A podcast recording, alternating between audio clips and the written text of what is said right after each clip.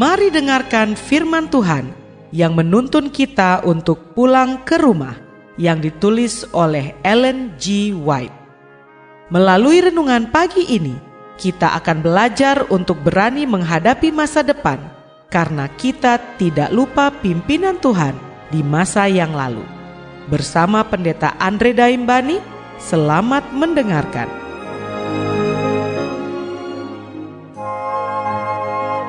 Shalom, selamat pagi saudaraku. Renungan pagi kita hari ini 26 Maret berjudul Kelahiran Baru.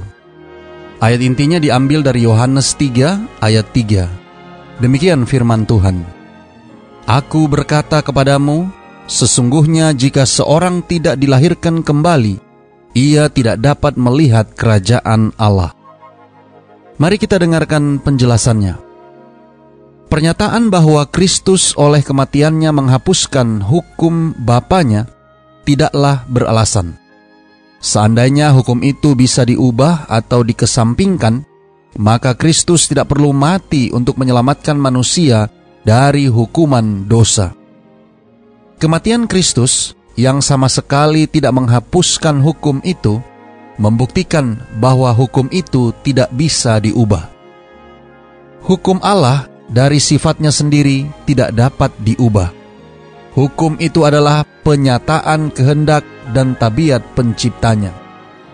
Allah adalah kasih, dan hukumnya adalah kasih. Prinsip agungnya ialah mengasihi Allah dan mengasihi manusia. Kasih adalah kegenapan hukum Taurat, dicatat dalam Roma 13 ayat 10. Tabiat Allah ialah kebenaran, Demikianlah sifat hukumnya. Pemasmur berkata, Tauratmu benar, segala perintahmu benar. Dicatat dalam Mazmur 119 ayat 142 dan 172.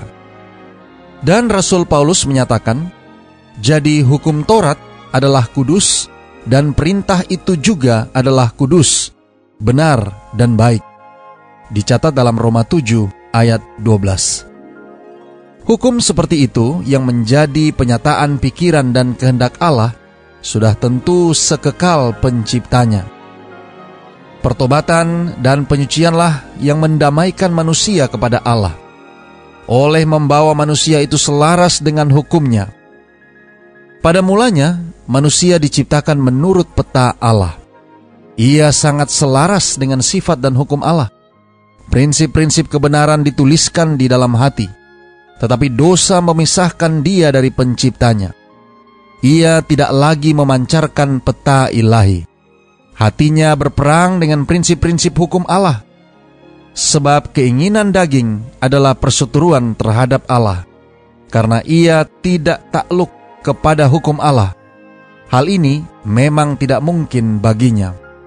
Dicatat dalam Roma 8 ayat 7. Tetapi karena begitu besar kasih Allah akan dunia ini, sehingga ia telah mengaruniakan anaknya yang tunggal, agar manusia boleh diperdamaikan dengan Allah. Melalui jasa-jasa Kristus, manusia itu bisa kembali selaras dengan penciptanya. Hatinya harus diperbarui oleh rahmat ilahi. Ia harus mempunyai hidup baru yang dari atas. Perubahan ini adalah kelahiran baru tanpa itu, kata Yesus, ia tidak bisa melihat kerajaan Allah. Saudara-saudara yang kekasih di dalam Tuhan, langkah pertama dalam pendamaian kepada Allah ialah pengakuan dosa. Dosa ialah pelanggaran hukum Allah. Oleh hukum Taurat, orang mengenal dosa. Dicatat dalam 1 Yohanes 3 ayat 4 dan Roma 3 ayat 20. Agar dapat melihat dosanya, orang berdosa itu harus menguji tabiatnya dengan standar kebenaran Allah. Standar kebenaran itu adalah cermin yang menunjukkan penyempurnaan tabiat kebenaran dan yang menyanggupkannya untuk melihat cacat pada dirinya. Alfa dan Omega jilid 8 halaman 488 dan 489. Doa kita hari ini.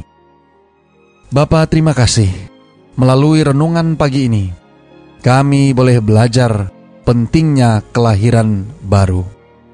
Terima kasih melalui renungan pagi ini kami diingatkan sebagai anak Tuhan, kami perlu mengalami kelahiran baru.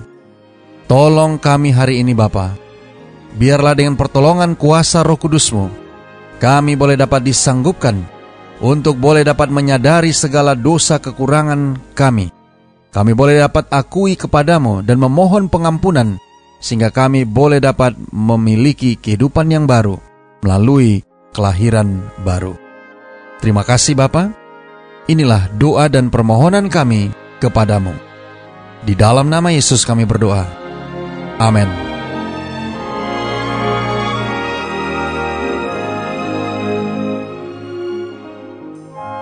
Demikianlah tadi pembahasan tentang pulang ke rumah. Semoga firman Tuhan hari ini dapat menjadi berkat bagi Anda. Sampai jumpa, Tuhan memberkati.